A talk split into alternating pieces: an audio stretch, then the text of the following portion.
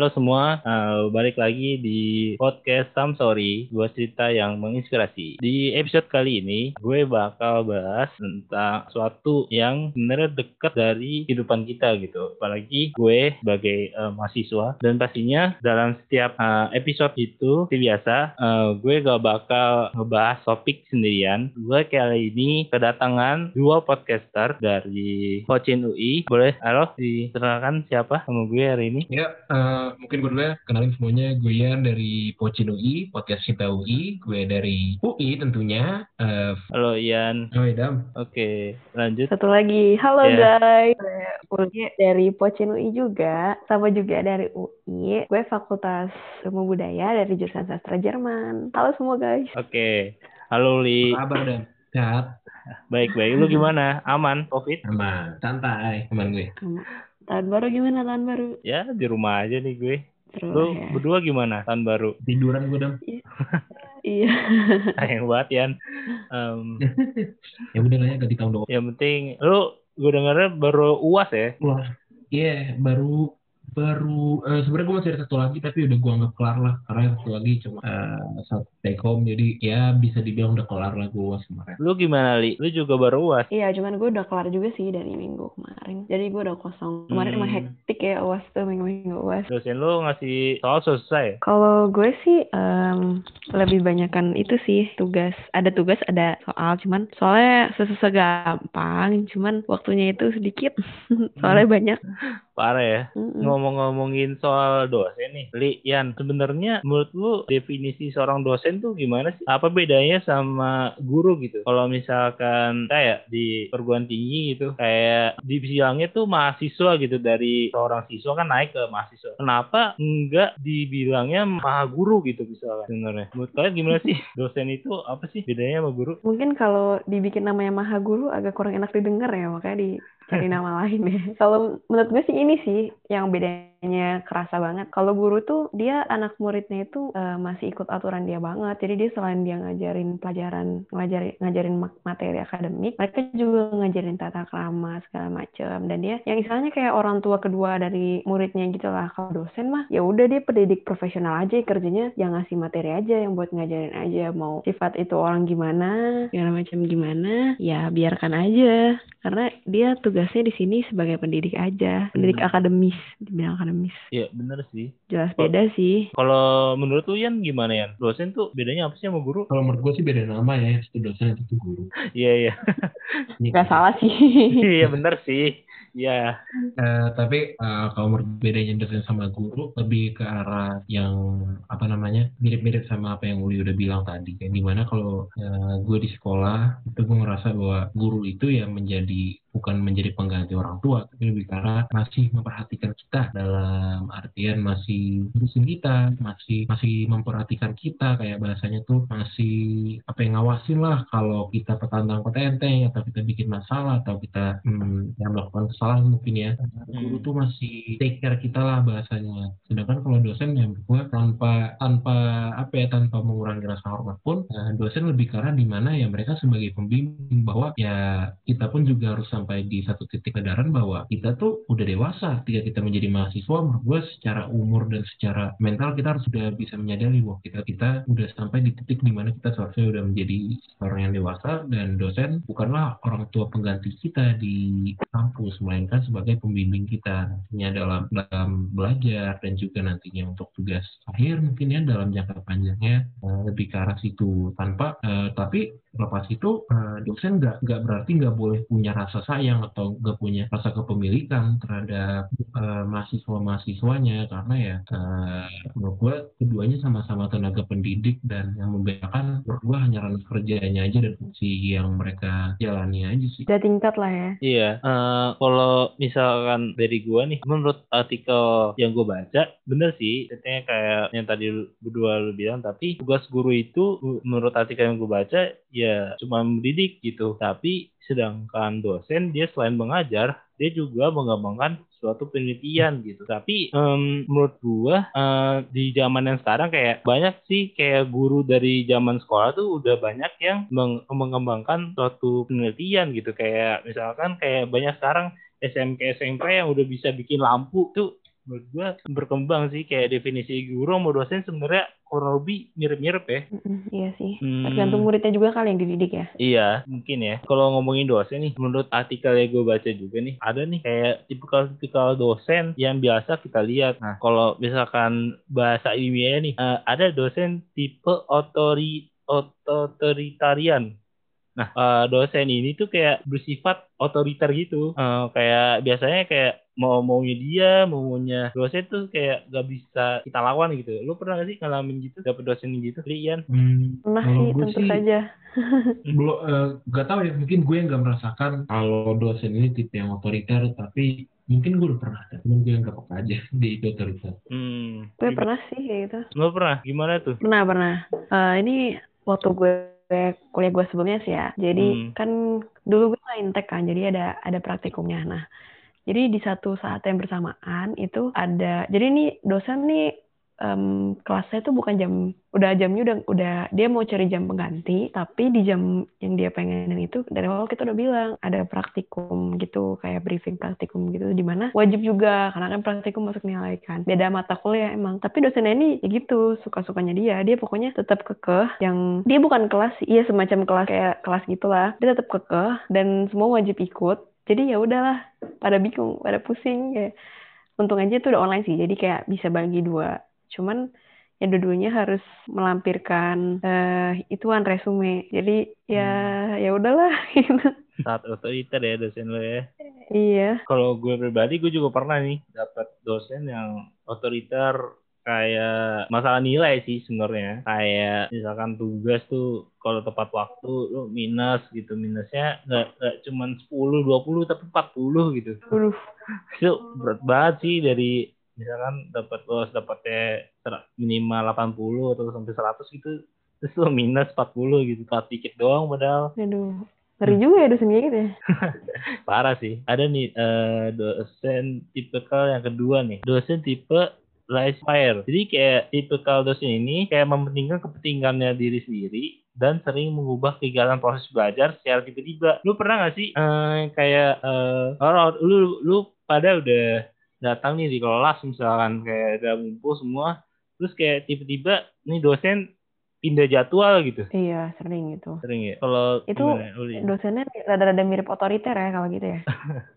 otoriter masalah waktu ya. Iya. eh, dosen yang ketiga nih tipikalnya ada juga yang dosen tipikal demokratis. Nah biasanya nih dosen tipikal ini sering banget dikebutin sama mahasiswa. ini baru banyak dosen gue kayak gini Ih, asik Waduh. banget dosen lu ya. iya emang fakultas gue fakultas santai jadi Santai ya. dari Fakultas terbentuknya ilmu asik. dosen Do- Dosen-dosen ceritain dong Yan, dosen-dosen eh, di fakultas tuh gimana sih beberapa tipikalnya? Kalau di gue sebenarnya lebih ke arah emang pada santai eh, dalam artian pembawaannya ya, tapi secara secara hmm, profesional mereka tetap profesional dan dalam penilaian itu masih bisa objektif, di mana gue cukup menghormati itu? Bisa eh, di mana eh, jadi tuh a little fun fact di jurusan gue di jurusan gue itu gue nggak manggil eh, prof- eh, profesor kan dosen cewek gue dan dosen cowok gue dengan pak dan bu atau prof dan dokter misalnya. Tapi eh, mas dan mbak yang paling tua itu panggilannya paling pak atau bu. Jadi eh, menurut gue hal-hal kecil kayak dimulai dari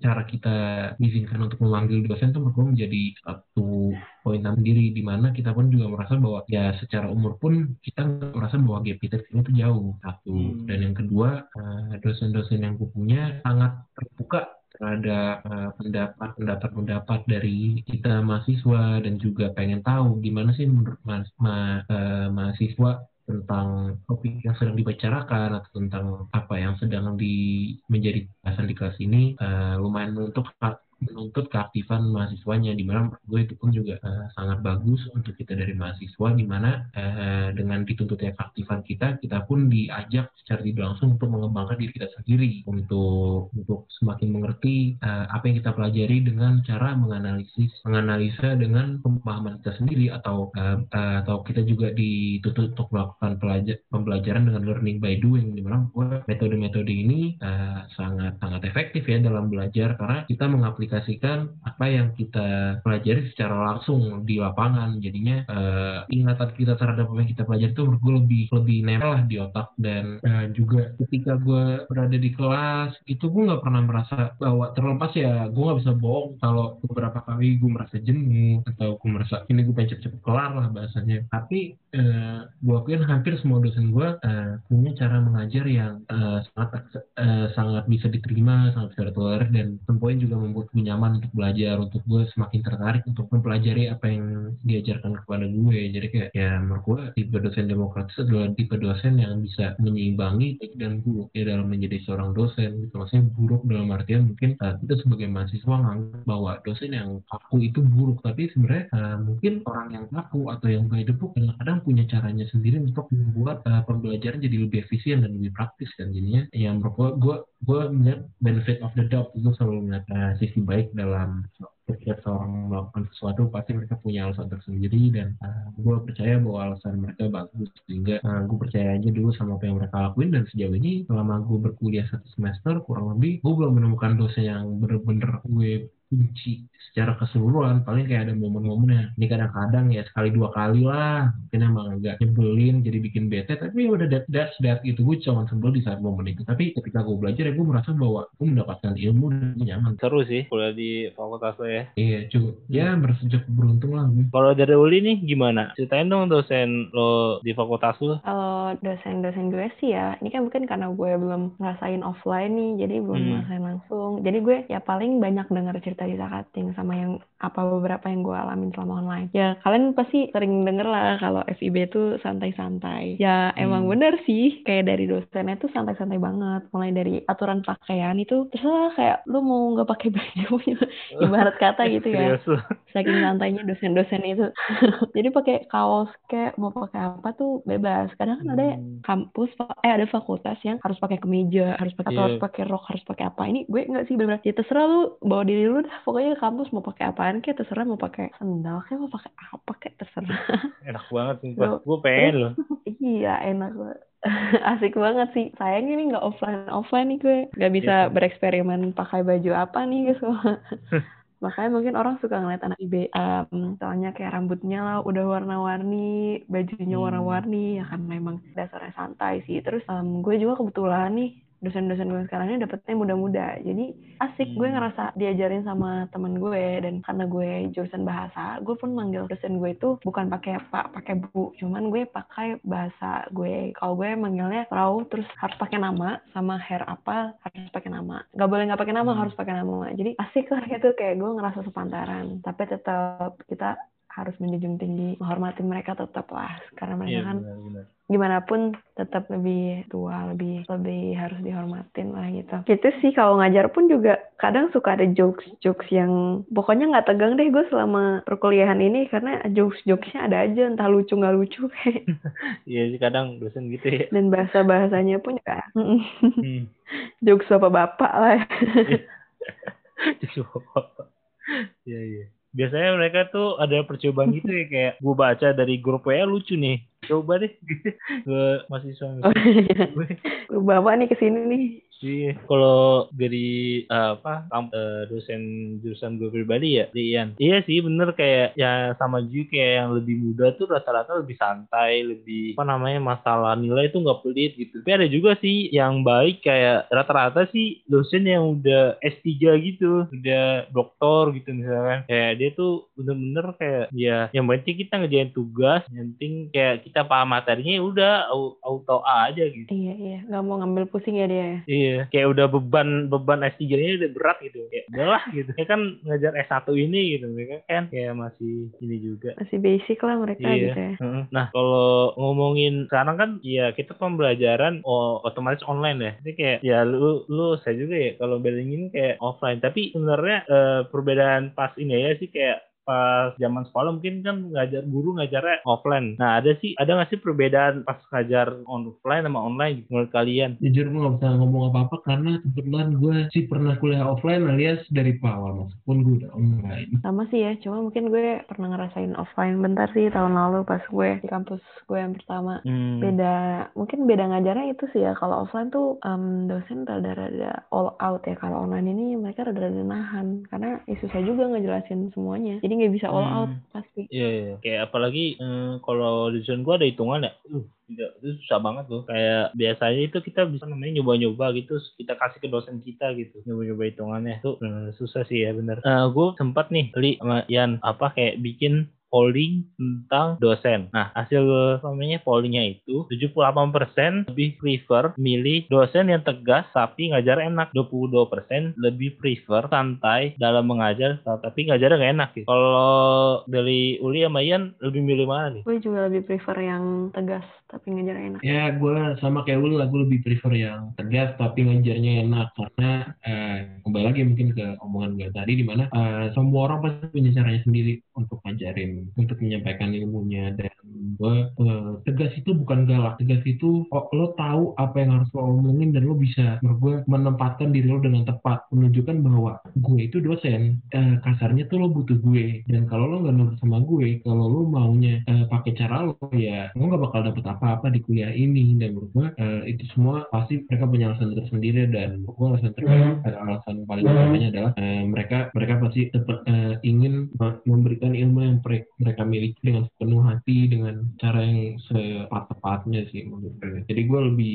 setuju dengan dosen yang tegas tapi ngajarnya enak. Kalau lu santai, tapi kalau santai tapi dan ngajarnya yang gak enak, jadi kayak gue terbiasa untuk gak belajar atau gue gak, gak memahami atau gue gak, gak ingin memahami apa yang diajarin. Jadi kayak lama-lama gue gak bakal dapet apa-apa juga dari dosen ini. Hmm, tapi kayak makin kelihatan gak sih apa kayak mahasiswa yang cari ilmu yang milih dosen yang santai tapi nggak masalah gitu sih kayak eh, cara sama cara ngajar yang penting kayak ya apa namanya yang penting nilai aja sih gitu gak sih? Iya, yang penting gue dapet gaji mungkin ya lebih ke arah Iya. itu. Eh, nah, gue juga ini nih apa kayak kemarin nanyain juga nih apa ke temen-temen gue ke orang-orang gitu kayak eh, sebenarnya dosen favorit eh, mereka kayak gimana sih? Salah satunya nih dosen yang eh, muda belum nikah kayak gitu. Terus Kenapa itu mungkin kayak suka bukan gara-gara cara ngajarnya dah, gara-gara penampilannya dan kemungkinan masih bisa dinikahinnya mungkin. Nah, ada yang tahu. mungkin ya kan ada juga eh, pernah nggak sih ada harapan nih. dosen pacaran sama sama mahasiswanya Ya, Ada sih pasti. Pasti ada itu Nggak ada mah. yang tahu. Gak ada yang tahu ya. Em, apa suka dosen yang eh, jarang masuk? Kenapa tuh? Bukannya sering KP ya gitu ya? Kalau kalau gue lagi mau jarang- belajar sih, gue lebih Iya sih. demen dosen Iya, cuma pas ujian tuh kadang bingung sendiri kalau kayak gitu tuh jarang masuk. Iya benar sih ya. Malah malah sebenarnya ngeributin dia sendiri ya. Apa? Gue Iya. Terus belajar apa? Gak ada yang ngarahin. Iya. Mm-mm. Terus ada yang bilang kayak gue suka dosen yang santai karena bisa tidur di kelas. Waduh. Ini nih. lo kurang berpengalaman berarti. mahasiswa mager Kalau ya? dosen yang tegas bisa Tipikal tiduran di kelas, lo kurang pengalaman aja kalau nyari dosen yang santai. Harus bisa juga dosen yang tegas lo tidur di kelas. Oh gitu ya. buat yang ngomong kayak gitu kalian latih lagi tidur kalian ya semoga bisa lebih Eh, terus ada juga nih yang eh, suka dosen yang eh, sesepuh karena pemikirannya nggak ribet kayak eh, nggak mau adain ujian dan juga kayak auto A gitu. Menurut lu Hmm. gimana? nih? Iya. Dosen Ini gini. kan dari tadi yang lu baca nih tulisan eh yang ngasih tahu mahasiswa-mahasiswa mager deh. Bukan Iya ya. mahasiswa yang ambis Tuh yang suka gitu ya. Yang suka tuh kayaknya yang kalau mendukung kemageran. iya dong. Kalau dari lu berdua nih, lu suka tipe kalau dosennya kayak gimana? Gue mah yang penting dia enak ngajar tapi nggak pelit nilai. Udah itu ya dah. Aman Galak kayak dia gitu. mau aneh kayak nggak apa-apa. Yang penting dia e- ngajarnya enak sama nggak pelit nilai aja. Hmm. Kalau lu Yan? gue mah yang penting baik enak ngajarnya dan ya itu masalah nilai ya santai aman enjoy Hmm. jadi juga gue juga ada rasa aman kalau belajar Hmm, oke. Ya gue eh, kurang lebih sama sih. Kayak apa namanya dosen yang gue suka tuh ya mau dia tegas mau apa yang penting sih ngajarnya enak. sih. Eh, oke, di balik dosen yang favorit pasti juga ada yang dosen yang ngeselin. Nah, gue juga buat polling nih dosen-dosen yang ngeselin. Nah, yang pertama yang kayak suka permasalahin hal-hal seperti hasil tugas yang mirip temen gitu maksudnya kan itu kan tugas ya dan apalagi kita kuliah online gitu pasti ada dong kerjasama dikit-dikit lah ya atau misal... mungkin emang tugasnya jawabannya harus mirip nggak sih kadang kan ada yang kayak gitu iya harusnya gitu ya kamu juga tugas itu recet banget sih dosen kayak gitu. Terus um, yang kedua nih ada yang kasih tugas tapi gak bisa dinego gitu. Ya misalkan lo ngerjain makalah 50 halaman 50 halaman deh tuh. Dalam sehari. Iya. Cuma mungkin. Wah tidak bisa dinego itu. Kamu mau dapat nilai tidak? Sangat otoriter ya. Iya. iya. Terus ada nih tadi apa kayak yang pernah kita bahas juga tuh tadi tipikal dosen yang uh, ngaret waktu. Terus dia misalkan dia datang nih uh, jam 2 uh, harus kita, kita kelas jam 1 tapi datang jam 2. Terus apa namanya? Uh, kita harusnya selesai jam 4 tapi di dia kayak nambahin waktu itu uh, jam 5 gitu. Kayak core waktu gitu. Korup banget. Kayak gini. Lu pernah? Nah, beberapa kali dan ya gue ke bete cuman ya gue masih P bahasanya gue masih hormat aja lah sama dia baru semester satu juga nggak pengen bikin cara. Semoga hmm. aja sadar. Nanti pula kan ada evaluasi buat dosen juga kalau di kampus juga jadi bisa disampaikan nantinya di evaluasi dosen. Iya gue juga sih ada evaluasi dosen ada yang kayak saking nyebelinnya tuh dosen kayak semua penilaian tuh kan ada yang sangat tidak setuju sampai setuju ya? Itu itu benar-benar kayak sangat apa pun yang uh, tulisannya kayak auto sangat tidak setuju semua gitu. sekalian ben sekalian dipecat atau gimana gitu. Semoga aja dibaca sih semuanya dihiraukan. Iya. kalau nggak dihiraukan ya udah. hmm, kalau dari lu berdua ada nggak sih tipikal dosen yang lu kesel banget Apa ya gue ya yang nyebelin? Ya, hmm. Ya pokoknya yang nyebelin lah. Kayak misalkan caper ke cowok atau cewek gitu atau sih caper ke mahasiswanya gitu? Oh itu paling itu pilih kasih dosen yang pilih kasih itu gue kesel. Kayak dia mungkin melihat kadang ada aja tuh dosen yang kayak gitu. Objektif orangnya kayak ngelihat pesat. Apa kayak yang kayak begini nih nilainya dia bagusin tapi dia nggak ngelihat perjuangannya ini. Eh subjektif ya. Objektif ya itulah intinya Hmm. Terus yang kocak ini sih mungkin di uh, kampus gue. Jadi kan karena uh, gue jurusannya tentang bahasa eh tentang negara lain gitu, gue punya dosen native yang dosen asli dari negaranya. Hmm, dari mana tuh? Dan ada dari Jerman, kan gue Jerman hmm. nih. Jadi ada satu dosen dari Jerman dan kebetulan dia itu um, uh, agak straight ya orangnya. Eh, uh. gak straight berarti bahasanya ya? Iya, straight. Ya, istilahnya. Gak straight ya? Iya. ya, intinya dia dia suka sama ya let's say LGBT gitu kan Hmm. Dan uh, turns out jadinya yang di yang murid-murid mahasiswa yang cowok itu nilainya bakal lebih bagus dan lebih dicaperin gitu dia sama dia kayak ditanya-tanyain lah, diapain lah gitu. Hmm. Dibanding yang ceweknya. Jadi dosennya ganteng sih padahal ya, cuman ya sayangnya begitu. Jadi yang cewek hanya bisa ya udahlah, nyimak aja, nyimak berasa hmm. kelas itu kelas kelas cowok semua gitu. Jadi cewek dicuekin ya. Iya. Ian mungkin tertarik masuk kelas uli. Mau Ian? skip belum belum belum ada santai. Kan gue nyusul.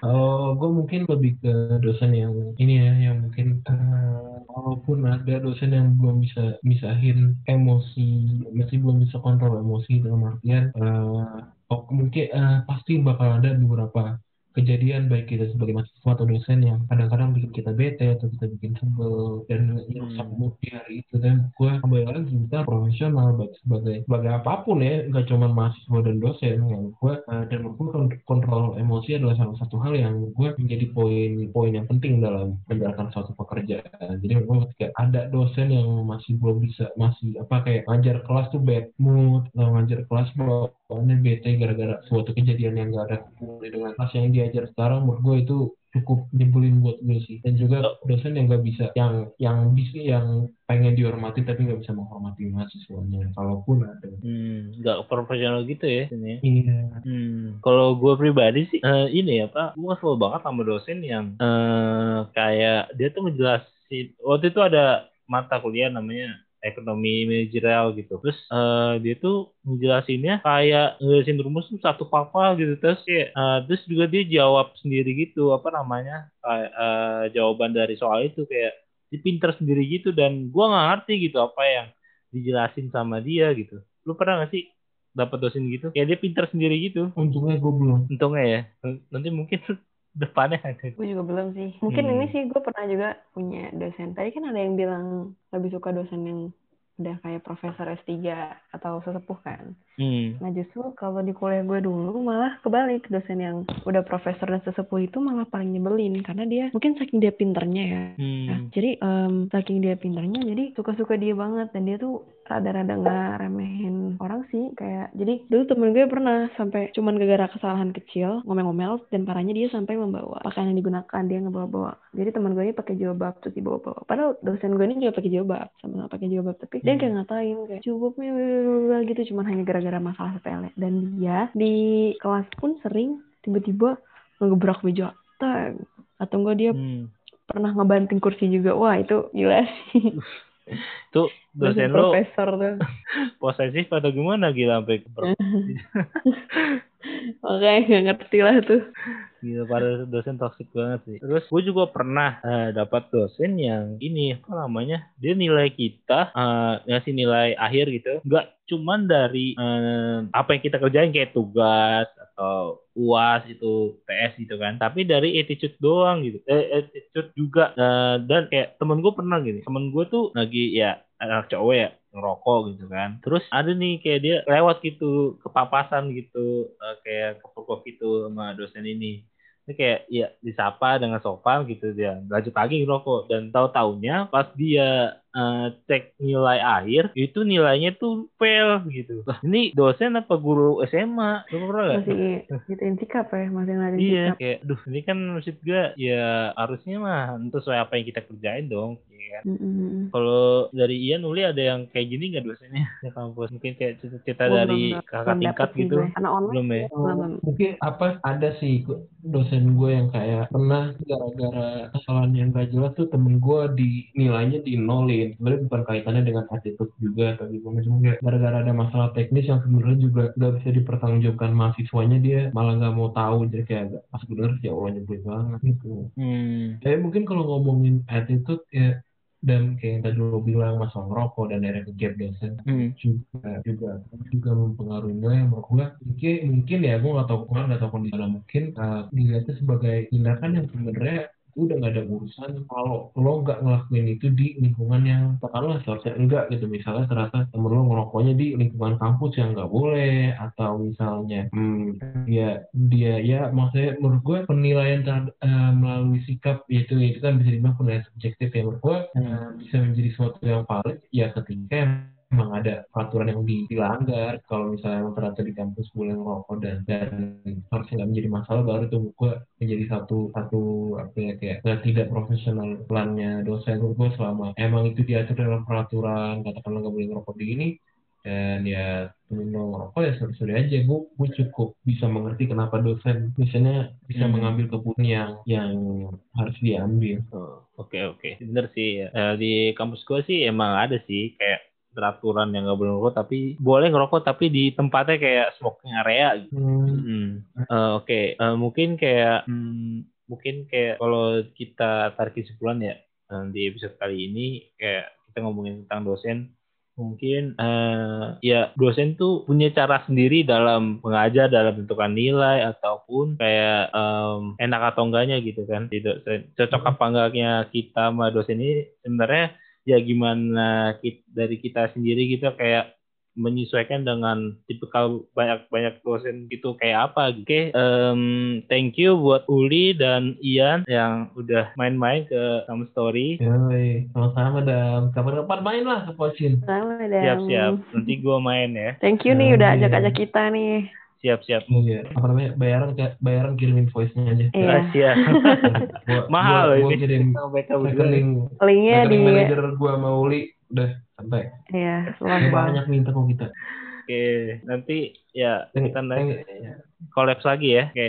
boleh Thanks- banget Thanks banget, thanks for having us di Some Story. Oke, thank you Uli, thank Ian. you I'm sorry Oke, eh, teman-teman, eh, thank you udah udah dengerin eh, episode kali ini. See you on next episode. Bye bye. Eh, dah. Dadah.